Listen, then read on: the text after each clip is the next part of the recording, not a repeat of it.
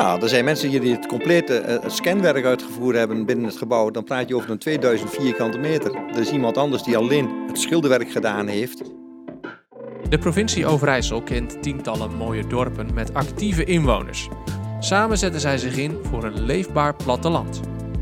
In de podcast Platteland kiest positie breng ik twee van die actieve inwoners van Overijssel bij elkaar. We gaan in gesprek over hun plannen voor hun dorp. Wat kunnen ze van elkaar leren? Hoe kunnen ze jou ook inspireren om aan de slag te gaan voor jouw dorp? Samen schetsen we een toekomstvisie voor het Overijsselse platteland.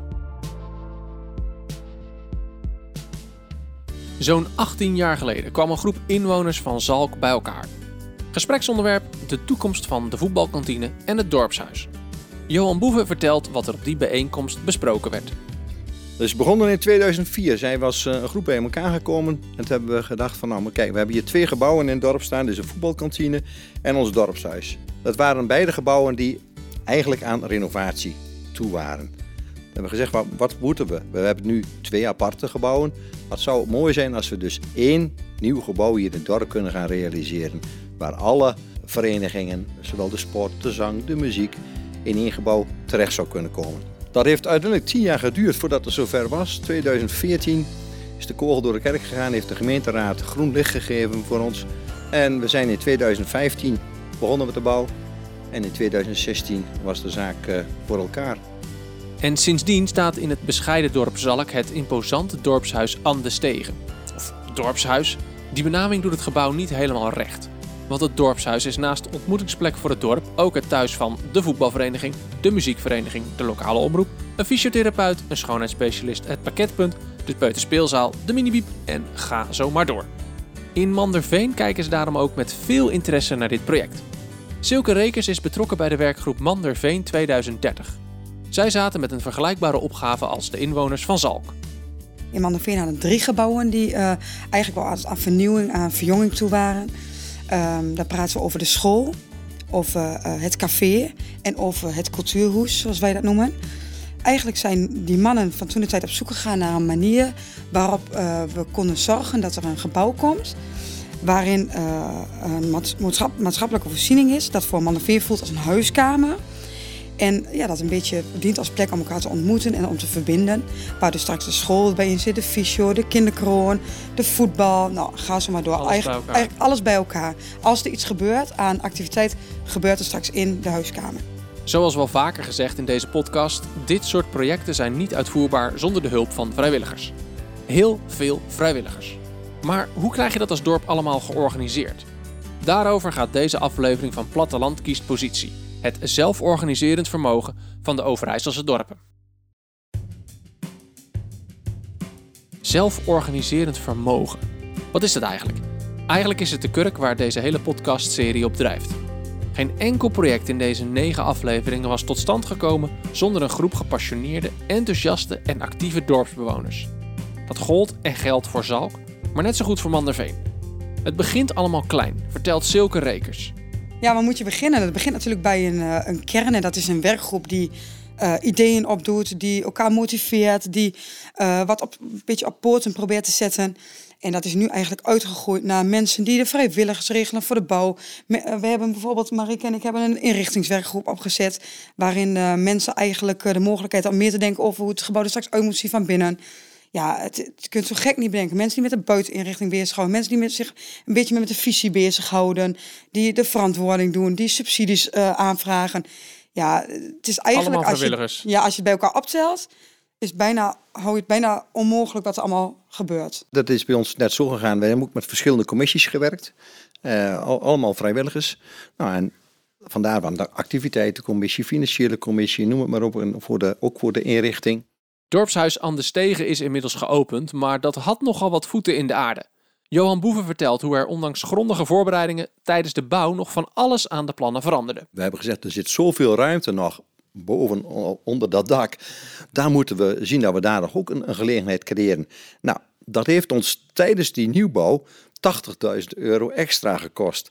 Nou, we hebben gezegd, we gaan het met elkaar het nu niet doet, straks als het eenmaal er staat, red je dat niet meer. Net als met een huis, dus, hè? Ja, ja, we ja. hebben de nek uitgestoken, we hebben het gerealiseerd. En als je kijkt, wat, nou, ik zal je die straks omgeven, maar dan kun je de, de, de ruimtes zien die we daar gecreëerd hebben. Mooie dorpskamer gemaakt hierboven.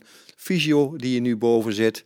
Een uh, sportzaaltje. En als ik zeg over sportzaal, dan, uh, het is bij ons allemaal in de, in de verkleinde vorm. maar we hebben het. Maar ja. niet minder belangrijk. Niet minder belangrijk, nee. En al die ruimtes die wil ik wel eens zien. Dus lopen we onder leiding van Johan een rondje, of eigenlijk een ronde, door het dorpshuis. Te beginnen bij die sporthal waar vanavond de muziekvereniging repeteert. De muziekvereniging heeft al uh, opgebouwd, die gaan vanavond ja, repeteren. Gaan vanavond voor de eerste keer gaat de muziek hier uh, oefenen. Uh, ze mogen weer, ja. maar anderhalve meter uit elkaar zoals je ziet. Vandaar dat ze niet in de muziekzaal aanwezig zijn, maar gaan ze nu in de grote zaal vanavond repeteren. Deze tribune hebben wij nu gerealiseerd. Dat was eigenlijk gewoon een, een, een iets. Het was eigenlijk een muur die hier doorgetrokken zou worden. Nou, dan heb, krijg je echt een idee dat je in een bunker zit. Maar doordat je dit er gerealiseerd hebt, geeft dat een uh, veel mooier effect. En je kunt als er een optreden is van toneel, van de zang of van de muziek, kun je ook mensen hier op het, uh, op het podium plaats laten nemen. Is er een uitvoering van de gymnastiek, er hoeven er geen ouders in de zaal te zitten. Ze kunnen of vanuit de kantine hebben ze zicht hier in de zaal, of ze zijn, uh, zitten hierboven en kunnen ze naar een kroos kijken. Wat mij moeilijk lijkt is. Uh, in eerste instantie is het, moet je mensen enthousiast krijgen. Nou, ik kan me voorstellen dat je zegt: we maken een nieuw gebouw, toekomstbestendig. Dit is echt voor het dorp. We kunnen hier allemaal onze ei kwijt. Dat mensen enthousiast kunnen worden. Dat, dat, dat, dat, ik kan me voorstellen dat het haalbaar is. Maar dan, dan begint dat proces. En dan ben je vijf jaar verder. En dan ben je acht jaar verder. En dan ben je tien jaar of nog veel langer verder. Hoe hou je, hou je al die mensen erbij? Dat punt wat je nu aanhaalt, ja, dat is natuurlijk wel uh, iets wat, uh, wat speelt. Um, we hadden ook een punt met onze commissie aan het eind van jaren en naar de gemeente en weer terug en de tekeningen aanpassen en ideeën bijstellen. Dat je wel op een soort punt komt van oké, uh, het zou goed zijn om nu te starten. Want dan haal je weer nieuwe energie binnen. Nou, zo is dat ook echt gegaan. De bouw is begonnen en uh, Manneveen is massaal op gaan staan. Uh, wat wel de ervaring leert is wanneer de concrete behoeften zijn en je dat naar het dorp uitspreekt, weten mensen ook waar ze aan toe zijn. We hebben nu bijvoorbeeld één man, die regelt alle vrijwilligers nu voor het bouwtraject. En die weet precies, op dat moment moet dat en dat gebeuren. En dan heb ik die en die mannen of vrouwen voor nodig. En daar kun je gewoon specifieke werken. En dan hou je ook makkelijker iedereen enthousiast. Want dan leun je niet alleen maar jarenlang op precies dezelfde mensen. Nou, dat moet, zijn wij ook gedaan. Zorgen dat je de mensen uh, erbij krijgt. En het is niet direct van dat je heel veel uh, moet laten doen. Maar zodra ze maar eenmaal binnen de groep zijn, merken ze hoe gezellig het is. En dan moet je het ook gezellig maken. Hè? Dus doen een balletje gehakt, en, uh, na de tijd een pilsje drinken met elkaar. Ja, zorg dat het leuk, uh, dat het gezellig wordt. Dat je zegt, joh, ik, ik, doe, ik ga hier graag even een klusje doen. en dan kun je ook heel veel voor elkaar krijgen. Tuurlijk komt dat heel veel ook wel wel op een aantal vaste mensen aan die hier ook, ook vast gelopen hebben. Uh, maar ja, die vonden het ook fantastisch mooi om dit te realiseren. Uiteindelijk is dat hun project geworden. En zo kijkt men daar ook op terug. Als we kijken wat wij nu nou, onlangs ook alweer gedaan hebben uh, in de coronatijd, dan lag alles stil. Dus ja, we kunnen toch nog een aantal wensen hadden we wel. Nou, dat hebben we kenbaar gemaakt. En als je dan kijkt een enthousiaste groep die daarmee bezig gaat, die zegt, nou, uh, zorg maar voor het materiaal. Wij zullen zorgen dat het voor elkaar komt. Nou, dat is hartstikke mooi. En zo houdt al dat vrijwilligerswerk niet op als de bouw van het pand gereed is. In Zalk zijn nog altijd tientallen vrijwilligers betrokken bij het dagelijkse reilen en zeilen van het dorpshuis. In de week voor mijn bezoek was het klusteam nog druk aan het verbouwen. Dit zijn zaken die, we, die ze vorige week gerealiseerd hebben. We zaten heel veel met de. Even kijken of ik dat los kan krijgen, want het zal een heel gebeuren zijn. Ja, ja, ja. Nou, je ziet daar de trusten liggen. Ja, ik weet niet of het een lampje is uh, naar de zolder toe. Maar die lagen hier eerst op het podium, dat is nu allemaal weg. Dat hebben allemaal weggewerkt, heeft dat klusteam uh, gerealiseerd. Dus deze openingen zijn er gemaakt. En uh, kunnen we alles keurig opbergen. Al die vrijwilligers zijn natuurlijk heel erg goed voor je begroting. Zo heeft Zalk bij de bouw van het dorpshuis meerdere tonnen kunnen besparen door de inzet van de dorpsbewoners. Maar al dat vrijwilligerswerk heeft nog een positief effect. Dorpsbewoners voelen zich verantwoordelijk voor het gebouw. Ja, er zijn mensen hier die het complete uh, scanwerk uitgevoerd hebben binnen het gebouw. Dan praat je over een 2000 vierkante meter. Er is iemand anders die alleen het schilderwerk gedaan heeft. Is eentje, hè? In zijn eentje, ja. ja. Elk dingetje wat er nu moet gebeuren, wat geschilderd moet worden, wordt hij er weer bij gehaald. Ja. Want het is ook zijn ding. Ja. Ja? ja. ja. Dat is hartstikke mooi. Dan ga je er ook anders naar kijken, naar zo'n gebouw, toch? Ja, en je moet ook hebben, kijk, vernielingen zei je niet, maar als je bijvoorbeeld wel jeugd is en die bijvoorbeeld, uh, nou ja, wat, wat, wat, nou ja, wat uitveegt. Baldadigheid, zeggen, ja. Daar wordt het zeg maar ook onderling wordt daarop toegezien. Hè, van luister jongens, dat hebben wij met eigen handen opgebouwd. Dat gaan jullie niet afbreken. Dat laten we door niemand doen. Nee, ja. ook wel het verantwoordelijkheidsgevoel. Ja, dat is de verantwoordelijkheidsgevoel. Ja. Gert-Jan Hospers is bijzonder hoogleraar geografie en directeur van de stichting Stad en Regio. Een stichting die zich inzet voor stedelijke en regionale ontwikkeling. Als geboren en getogen Overijsselaar is hij verbonden aan het project Leefbaar Platteland van de provincie Overijssel. In elke aflevering geeft hij zijn visie op het thema van die podcast. In deze aflevering hebben we het over grote ingrijpende projecten. Voor zijn column reflecteert Gert-Jan Hospers op de verbouwing en restauratie van het monumentale erve Hondenborg en hij concludeert dat je met dit soort grote bouwprojecten drie dingen nodig hebt: geld, geluk en geduld. En ik voeg er zelf nog een vierde G aan toe. Erf Hondenborg in Zenderen is een markante plek. Het monumentale erf ligt op een heuvel die wordt omringd door oude eiken en een gracht. Lang geleden, toen Karel de Grote de Saks onderwierp, stond hier een burcht van waaruit ridders de omgeving controleerden. Eeuwen later werd de strategische plek onderdeel van landgoed Twikkel waartoe het nog altijd behoort. Tot 2012 was Erf Hondenborg als boerderij in bedrijf. Nu is het een luxe woonboerderij, annex horecalocatie die je kunt afhuren voor vergaderingen, huwelijken en rouwbijeenkomsten. De houten gebinden in de daken en de historische uitstraling geven het complex de intieme sfeer die moderne panden zo vaak ontberen. Erf Hondenborg is een goed voorbeeld van getransformeerd agrarisch erfgoed. Historische boerenerven, waarvan Overijssel talloze telt, zijn plekken met verhalen die vaak eeuwen teruggaan. Ze zijn cultuurhistorische bakens in het landschap en geven de regio smoel. Geen wonder dat veel mensen ervan dromen om in zo'n monument te wonen. Maar wat komt er allemaal bij kijken om die woondroom uit te laten komen? Om te beginnen moet je behoorlijk kapitaalkrachtig zijn om in een monumentale boerderij te kunnen wonen. Niet alleen de aankoopprijs is fors, ook de verbouwing kan flink in de kosten lopen. En dan hebben we het nog niet eens over de energielasten, onderhoudskosten en verzekeringspremies die vaak hoger uitvallen dan bij een gewoon huis. Verder geldt dat de koper van tevoren meestal niet weet waar hem te wachten staat als hij eenmaal eigenaar van het erfgoedobject is geworden. Je moet altijd rekening houden met onzichtbare gebreken, of het nu gaat om houtrot, een lekkend dak of een fundering die aan het verzakken is. Op de sites van de erfgoedstem wordt het eufemistisch, maar niet mis te verstaande bewoording omschreven. Het karakteristieke van een pand staat meestal haaks op het kant-en-klare karakter van een doorzonwoning. Juist in de imperfectie van een door de tijd gemarkeerde gevel schuilt de schoonheid van de monumentale woonbeleving. Kortom, omarm de verborgen gebreken. En tenslotte moet je een lange adem hebben.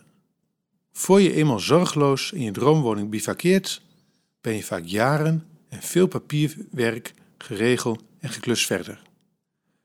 Monumentaal wonen is geen sprintje, maar een marathon. Bezint eer begint is in dit kader dan ook geen overbodig advies. Of zoals een bevriende projectontwikkelaar, gespecialiseerd in herbestemming voor cultuurhistorisch erfgoed, me eens toevertrouwde. Wie panden met erfgoedstatus een nieuw leven wil geven, moet drie dingen hebben: geld, geluk en geduld. Deze 3G-regel lijkt me een belangrijke waarschuwing voor huishoudens die hun monumentale woondroom waar willen maken. Maar als het lukt, is de beloning bijzonder groot. Dat kun je zien op Erf Hondenborg in Zenderen. Op deze plek blijkt uit alles hoeveel toekomstkracht cultuurhistorie nog altijd heeft. Misschien kan ik er nog een vierde G aan toevoegen. De G van gezelschap. Nou, dat treft, uh, zeg, het is leuk dat je het noemt, want uh, inderdaad zie je dat uh, er allerlei initiatieven zijn, met name ook in Twente, uh, waar uh, erven worden ja, gepromoot als een plek waar je met meerdere families zou kunnen wonen. Dat noemen ze een knooperf. Een kruispunt van, ja... Ja, zo'n knooppunt, we knopen alle gezinnen aan elkaar. samenkomen. Precies. Ja. want inderdaad, de erven zijn vaak groot genoeg ervoor. Een mooi voorbeeld is, is Erven Veldboer in, in Langeveen. dat is al in 2010 begonnen, mind you. Uh, dus al een hele tijd terug. Uh, om, om, om, om ja, zo'n zo'n droom waar te maken waarin meerdere mensen in gezelschap met elkaar kunnen wonen en een gemeenschappelijk erf kunnen beheren. Nou, dat het zo lang heeft geduurd, uh, heeft vooral mee te maken dat het niet echt uh, van de grond kwam in het begin. Hè. Het, het, was toch een beetje te veel vanuit ja, ja, de, de, de, de bureautafel bedacht. Klinkt mooi, hè? met z'n allen op zo'n erf wonen, gezamenlijk beheer van zo'n erf, tuinonderhoud, gezellig met elkaar barbecuen en dat soort zaken. Maar wat bleek, ja, veel mensen zaten er toch niet op te wachten. Misschien is dat de Twentse eigen erfmentaliteit er nog wel een uh, rol bij speelt. En uiteindelijk heeft men toch voor een wat afgeslankte variant gekozen.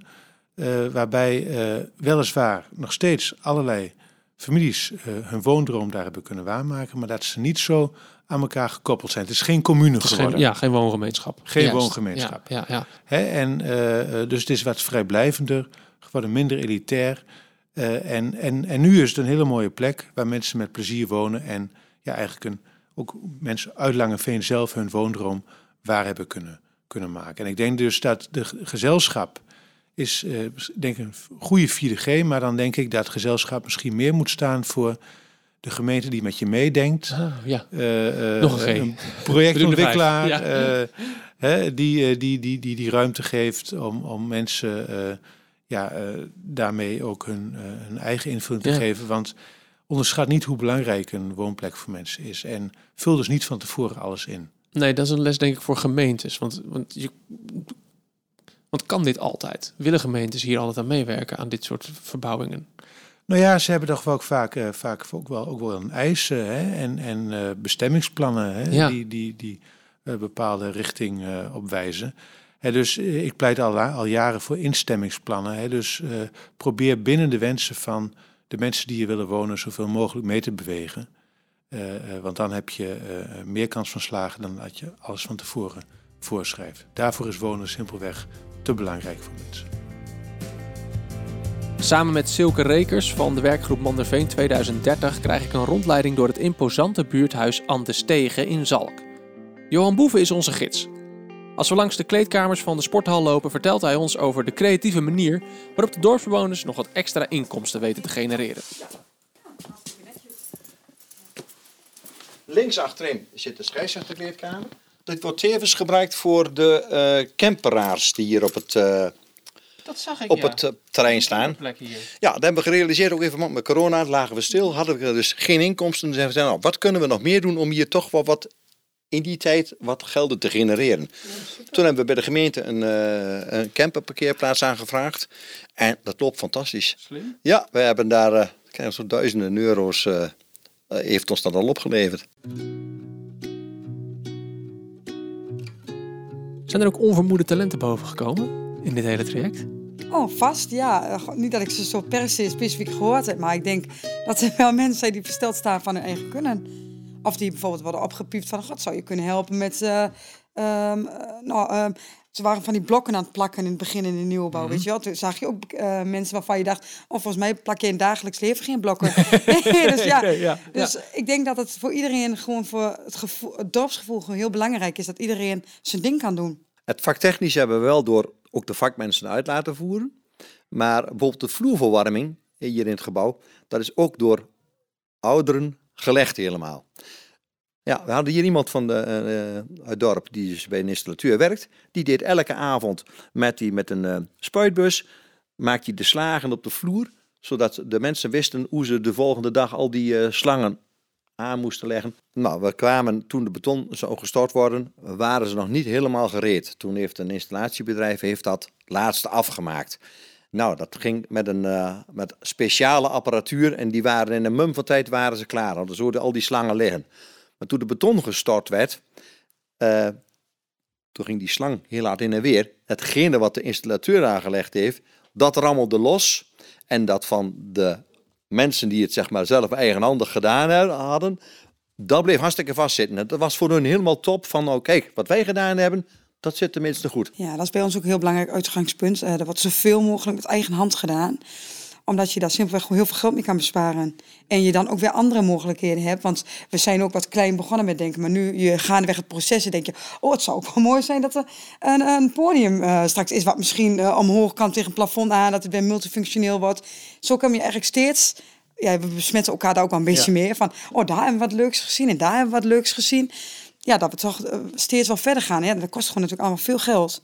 Dus dan is het goed dat je met eigen handen een beetje uitspaart. Zodat je aan de andere kant misschien weer ruimte hebt om iets meer te doen waar je later heel blij van wordt. Misschien zit jij nu wel te luisteren naar deze aflevering, of heb je de hele serie van Platteland kiest positie gehoord?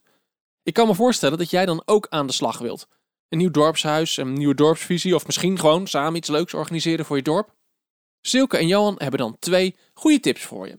We hebben bijvoorbeeld in het begin wel eens wat van die avonden georganiseerd, weet je wel, dat je wat schetsen op tafel legt. En, nou, dat is compleet nog weer anders geworden dan dat wat toen op tafel lag. Maar uh, je moet ergens beginnen, een, beginpunt mensen meekrijgen. En dan vooral uh, veel contact houden met je dorpsgenoten. Zodat wanneer er wat moet gebeuren, fysiek, dat mensen ook denken, hé, hey, maar ja, dat, dat is iets waar wij ook voor staan. En daar willen we graag mee helpen. Iedereen moet ook hetzelfde idee van, jongen, dat willen wij graag. Hè? Dus het doel moeten we allemaal eh, hetzelfde overdenken. En je moet draagvlak hebben. Want als jij een doel voor ogen hebt wat niet door de gemeenschap gedragen wordt, of door een groot gedeelte van de gemeenschap niet, blijft dat altijd discussie. Uh, dus maak het, het ons project ervan. Dus dat het echt een dorpsgebeuren wordt. Dit willen we met elkaar. En van, als we ja zeggen, gaan we er 100% voor. En uh, het komt voor elkaar. Nou, zie hier het resultaat. Tijdens onze rondleiding door het dorpshuis blijft Johan Boeven maar nieuwe functies van het gebouw aanprijzen. Zelfs bij de uitgang weet hij nog twee nieuwe dingen te vertellen. We hebben een uh, bibliotheekje gerealiseerd. Ja, erg mooi. Uh, dat dan ook allemaal door vrijwilligers gerund. Die zorgen elke keer dat er weer uh, nieuwe boeken komen. Wij zijn ook in deze coronatijd zijn we met een DHL servicepunt begonnen. We hebben voor DHL, DPD en UPS nemen wij hier de pakketjes in ontvangst en kunnen de dorpelingen de pakketten inleveren en hun pakketje hier ophalen. Dus het is een stuk service wat wij met vrijwilligers doen voor de dorpsgemeenschap. Het levert ons nou, een paar cent op, maar dat doen we het enige. Het gaat meer om de, ook weer de, de binding, de samenhorigheid. Mensen hoeven niet te rijden. En zo heeft Salk een dorpshuis voor de toekomst. En hoe die toekomst er uiteindelijk uitziet? Johan Boeven heeft wel een idee. Wij hebben eigenlijk het dieptepunt gehad. We hebben, uh, want uiteindelijk ben je afhankelijk van wat er gebouwd wordt. Of je jeugd in je dorp blijft houden. Dus woningbouw, en er staat elke keer zodra we hier met, met groepen bij elkaar komen zijn, wat zijn de wensen voor het dorp? Is staat er alle tijden altijd die woningbouw. Dat je dat, de continuïteit van het dorp uh, kunt waarborgen. Dat de school behouden blijft, dat er kerken er zijn, dat je nou, winkels, ja, mensen hebben auto's, ze rijden vanaf hier, rijden ze wel naar Wezen toe, want we hebben hier geen winkel. Daar willen wij ook aan gaan werken. En over tien jaar hoop ik dat het dorp een stukje gegroeid is en dat het op dezelfde manier lekker het kleine dorp blijft, maar waar we allemaal ons eigen ding nog kunnen doen en dat we gebruik kunnen maken van hier dit prachtige gebouw en al onze voorzieningen die we verder in het dorp hebben. Silke Rekers blikt vooruit op de toekomst van Manderveen. Hoe staat haar dorp er over tien jaar voor? Nou ja, als je over tien jaar Manderveen uh, binnenrijdt, dan uh, hoop ik dat je een sfeervol gebouw ziet. Waar uh, iedereen de weg goed naartoe weet. Waar iedereen uh, laagdrempelig naar binnen durft te stappen. Wat een stukje de eenzaamheid tegengaat. Waar kinderen plezierig op het schoolplein spelen. Waar misschien wel weer een stukje is uitgebreid qua woningbouw. Maar in ieder geval een, een bruisend dorp waar iedereen zich thuis voelt.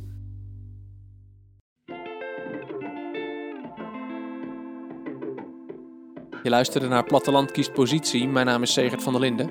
Wil je meer weten over het project Leefbaar Platteland, waar deze podcast onderdeel van is? Kijk dan op samenvoorelkaar.nl. Bedankt voor het luisteren.